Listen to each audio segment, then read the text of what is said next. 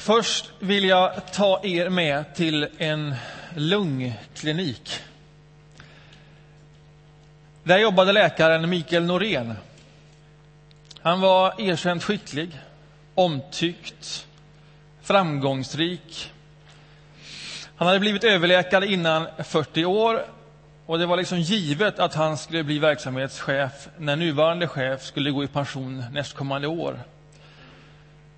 Och alla liksom tyckte att det var bra, självklart. På samma avdelning fanns en patient, Stig Dahlgren. Inte alls samma story. Han var där för att han var lungsjuk, långt gången lungsjukdom. Han hade rökt i 50 år. Eh, och nu var det inte mycket att göra. Det var inte långt kvar. Eh, och dessutom var han sanslöst arrogant. Oförskämd.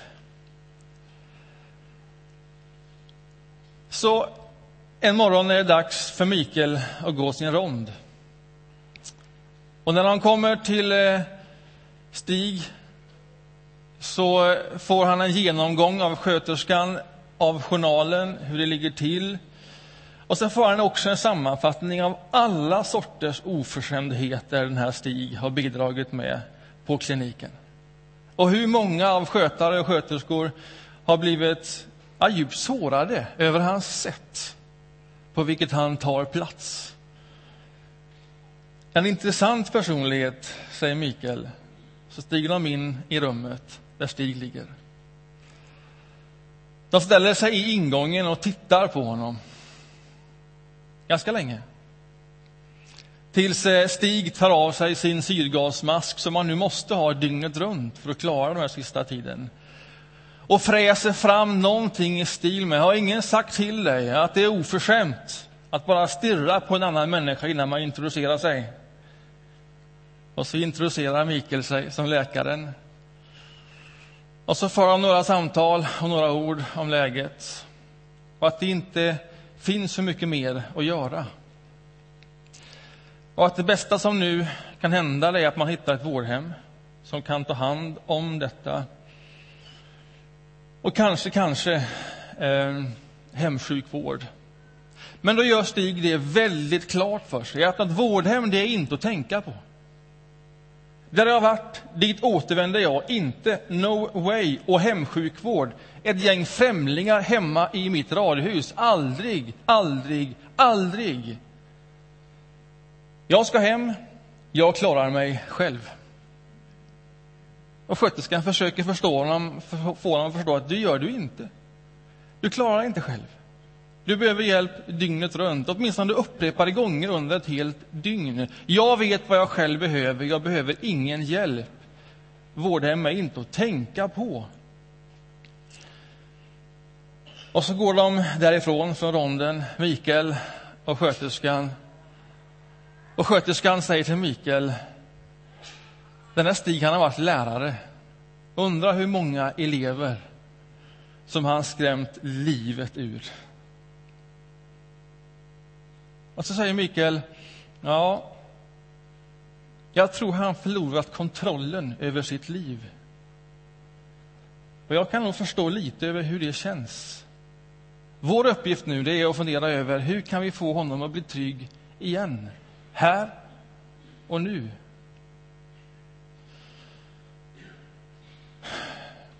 Är inte det lite väl inkännande, säger sköterskan. Lätt för dig att säga, som kommer hit och går rond två gånger i veckan. Vi lever med honom dygnet runt. Jag är jour i veckan, i helgen, säger Mikael, läkaren. Då tar jag allt, så avlastar jag åtminstone er det, säger han. Gör du så. Och så kommer helgen, och så gör han det. Han tar allt. Han kommer dit med brickan med mat, sätter sig vid sängen hos den här Stig. Och Stig eh, är lika trevlig som han brukar vara. Jaha, det här är väl ett, eh, ett fantastiskt exempel på effektiviteten i svensk sjukvård när läkaren kommer med matbrickan, säger Stig. Och så fortsätter de den sortens diskussion. Och så går helgen. Eh, och så kommer tisdagen. Och så är det dags för nästa rond. Och de kommer in och Mikael säger, ja nu har jag fått tag på ett vårdhem till dig. Och Stig gör det klart på en gång, ja men det är inte aktuellt. Det är inte, ja men, och så förs samma diskussion igen, men du klarar inte detta. Du behöver hjälp. Du klarar inte detta. Vi kanske kan ordna hemsjukvård. Aldrig att jag släpper in främlingar i mitt hus. Och så för sköterskan och Stig en lång diskussion och Mikael står tyst och bara lyssnar. Så efter ett tag säger läkaren Vi ska nog ordna det där. Du ska få komma hem. Och vi ska inte släppa in massa främlingar i ditt hus. Jag tittar Stig på honom och undrar om han verkligen kan lita på detta. Efter ett tag säger han, den där Mikael Norén, det är en bra läkare det. Och så går det en dag till och så ordnar de med ambulans hem till radhuset där han bor. Men sköterskorna undrar naturligtvis, vem ska göra det här? Hur har du tänkt att lösa det här? Och så säger Mikael, jag gör det själv. Jag bor inte så långt ifrån honom. Jag åker förbi på väg till jobbet och jag stannar till på väg hem från jobbet. Jag gör det själv och det blir ingen övertid. Det här är helt sanslöst. Så här kan vi inte hantera patienter. Jag tar det själv. Och så händer det här. Och han är där på morgon och kväll, varje dag. Och så efter ett par dagar kommer han tillbaka till kliniken och säger nu har Stig dött. Jag var där när han tog sina sista andetag. Ja, nickar alla på kliniken. Och så följer en av sköterskorna med honom och frågar, jag måste ändå fråga.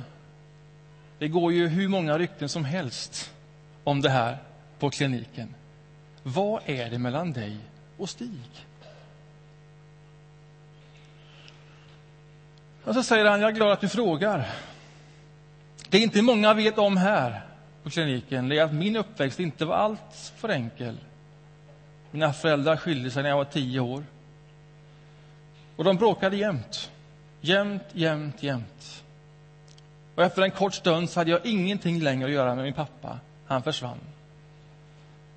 Det blev kriminalitet för mig. Och skolan fick ta liksom hela smällen av det. Så när jag gick i nionde klass så var jag på plats en dag när en vikarie kom dit, en vikarie i biologi. Och jag satt där under lektionen och efter den lektionen så stannade han mig innan rasten och sa, jag ser att du sitter här men du lyssnar inte på någonting av det jag säger. Och du är helt fri att göra precis vad du vill av din tanke på de här lektionerna. Men om du ändå sitter här så skulle jag vilja uppmuntra dig till att lyssna. Och den här unge killen kände att det fanns någonting i det han sa som slog an hos honom. Någon som såg honom där och då.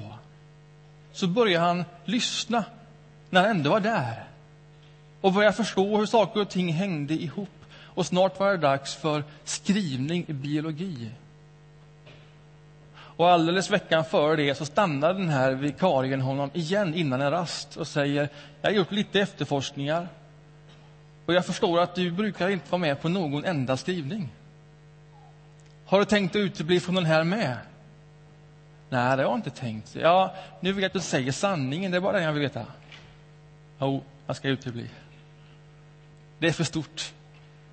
Detta klarar jag aldrig av. Då har jag ett förslag, säger vikarien. Du åker hem och så läser du alla kapitel skrivningen är på. Sen kommer du tillbaks och sen förhör jag dig i biblioteket.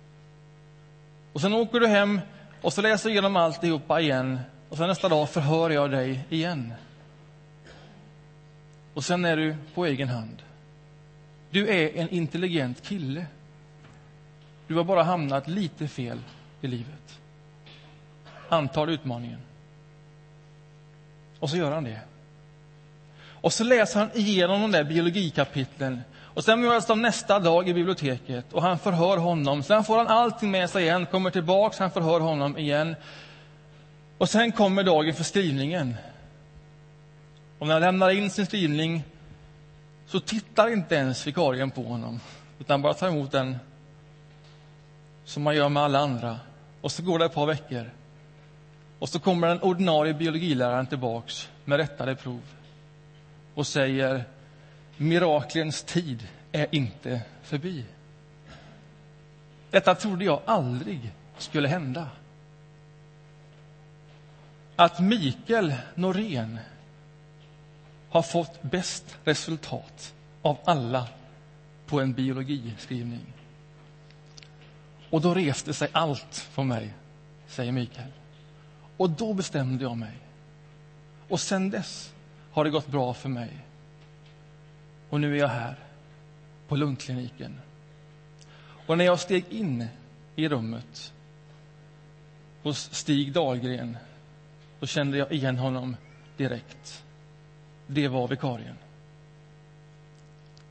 Det var vikarien. Tänk vad en enda liten handling, ett ord, bara uppmärksamhet och lite tid kan förändra banan, livet, för ett helt liv för en människa. Tänk vilken kraft det finns att se en människa, lyssna på en människa, att ta det till sig och sen gå med några steg. En sån liten, på ytan trivial handling kan betyda allt, allt, allt för en människa. Så här står det i Hebreerbrevet, kapitel 3.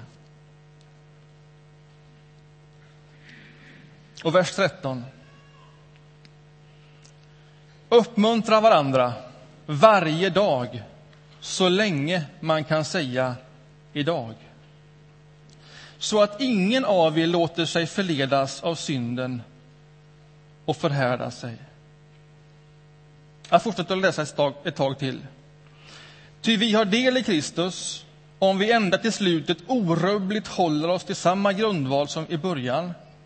Det heter, om ni hör hans röst idag, förhärda inte era hjärtan som under upproret. Vilka var det då som hörde och ändå gjorde uppror? Om inte alla de som hade dragit ut ur Egypten under Mose. Vilka var honom förhatliga under 40 år? Om inte de som hade syndat och blev liggande som lik i öknen. Vilka gällde eden att de inte skulle komma in i hans vila, om inte de som hade vägrat att lyda? Så ser vi att det var för sin otro som de inte kunde komma in, in i vilan. Här är en intuitiv del och en lite svårare del. Jag tar er med i de båda. Den första den är intuitiv.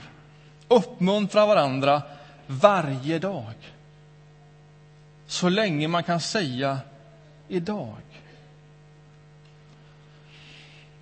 Under nästan hela 1900-talet hade vi en annan översättning än den här översättningen som vi nu har.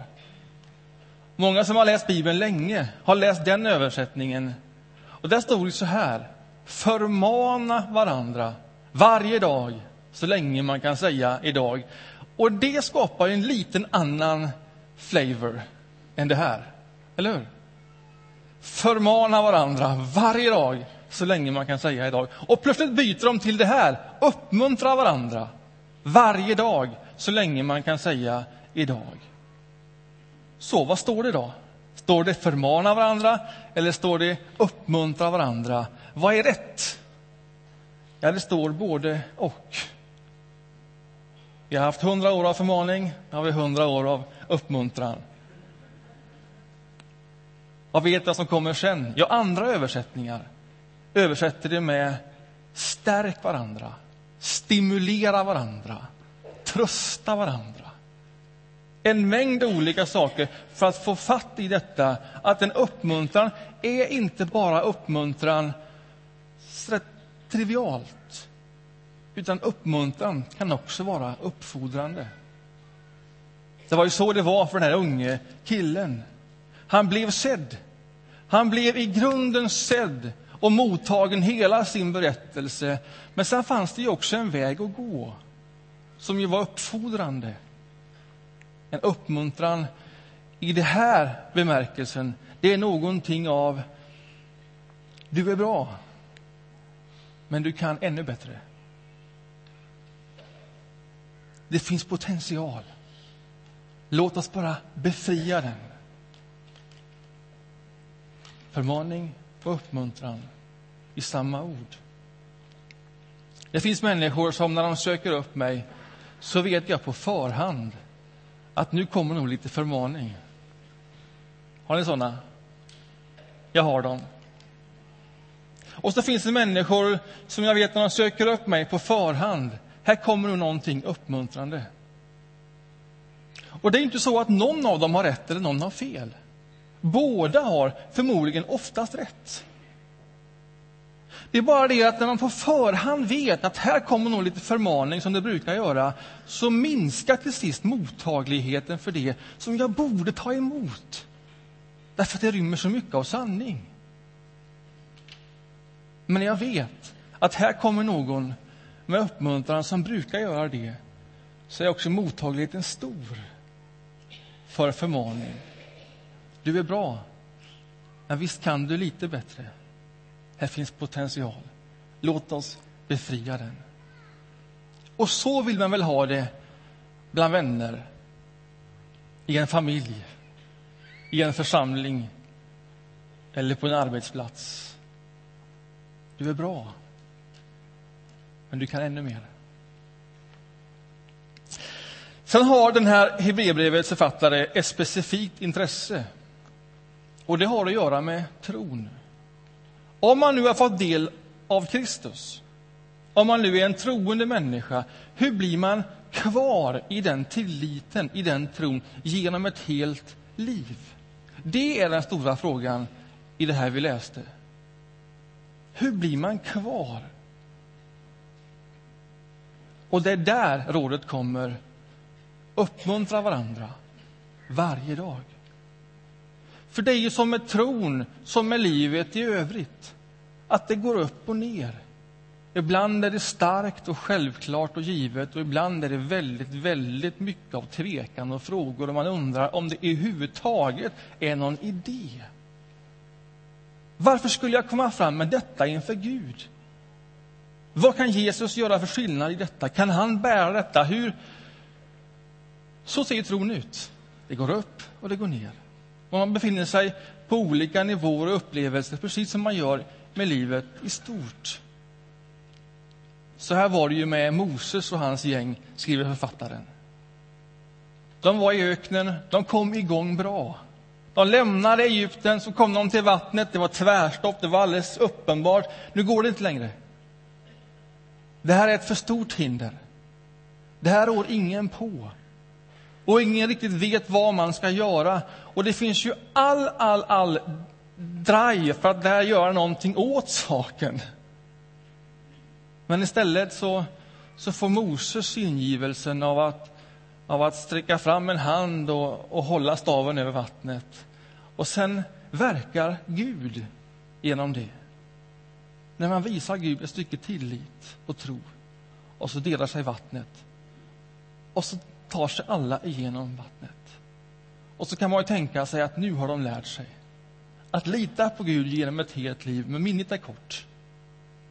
Det dröjer ju inte lång tid för när det kommer nya hinder och de tänker det här, det här går inte.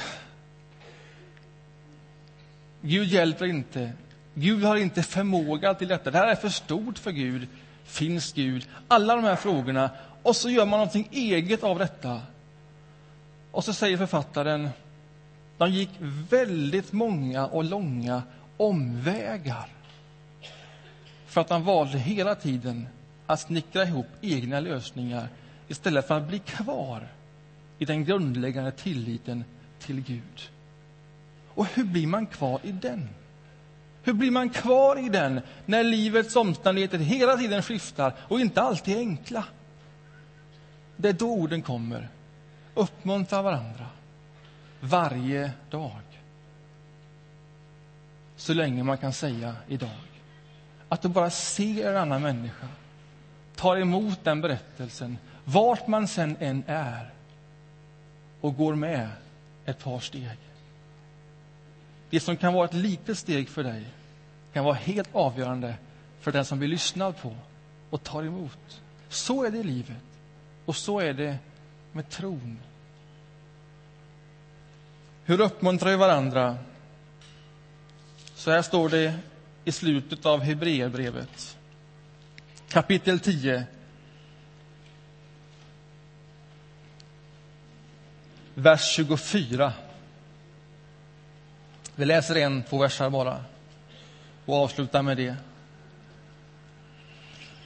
Låt oss ge akt på varandra och sporra varandra till kärlek och goda gärningar. Och låt oss inte försumma våra sammankomster som några brukar göra, utan uppmuntra varandra, och detta så mycket mer som ni ser att dagen närmar sig. Det här är ju en spännande koppling. Att det tycks finnas en direkt koppling mellan att å ena sidan försumma sammankomster och att uppmuntra varandra. Som om det skulle hänga ihop.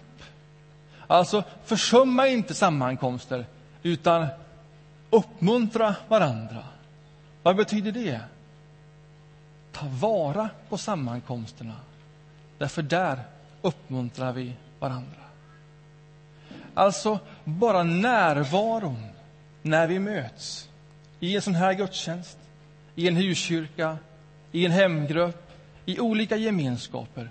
Bara närvaron där är ju en förutsättning för att du ska se och bli sedd. För att du ska kunna lyssna och bli lyssnad på. Och för att någon ska gå med dig ett par steg där du befinner dig. Närvaron är en förutsättning för uppmuntran. Sen kan man ju vara här och ändå försumma en sammankomst. Eller man kan vara i sin lilla husgrupp och ändå försumma en sammankomst, för man är inte där. Eller man tar inte vara på det, eller man lyssnar inte, för man är så upptagen med sitt eget. Och det kan man ju vara nu och då. Men tänk vad oändligt mycket potential det finns i varje samling, som den här. Som i en huskyrka, som i en husgrupp. Tänk vad oändligt mycket potential som finns där. Som kanske behöver befrias genom att någon lyssnar,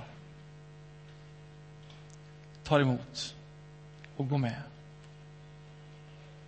Och tänk vad mycket tro det finns som behöver stärkas.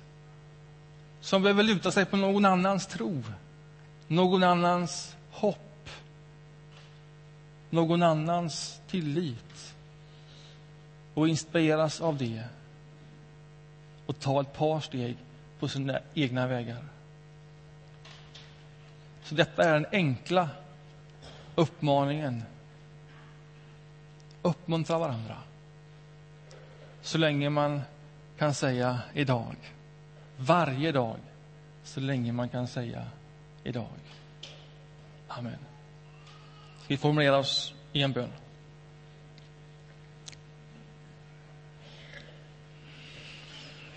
Herre, tack för denna märkliga och stora möjlighet som ligger i att vara människa.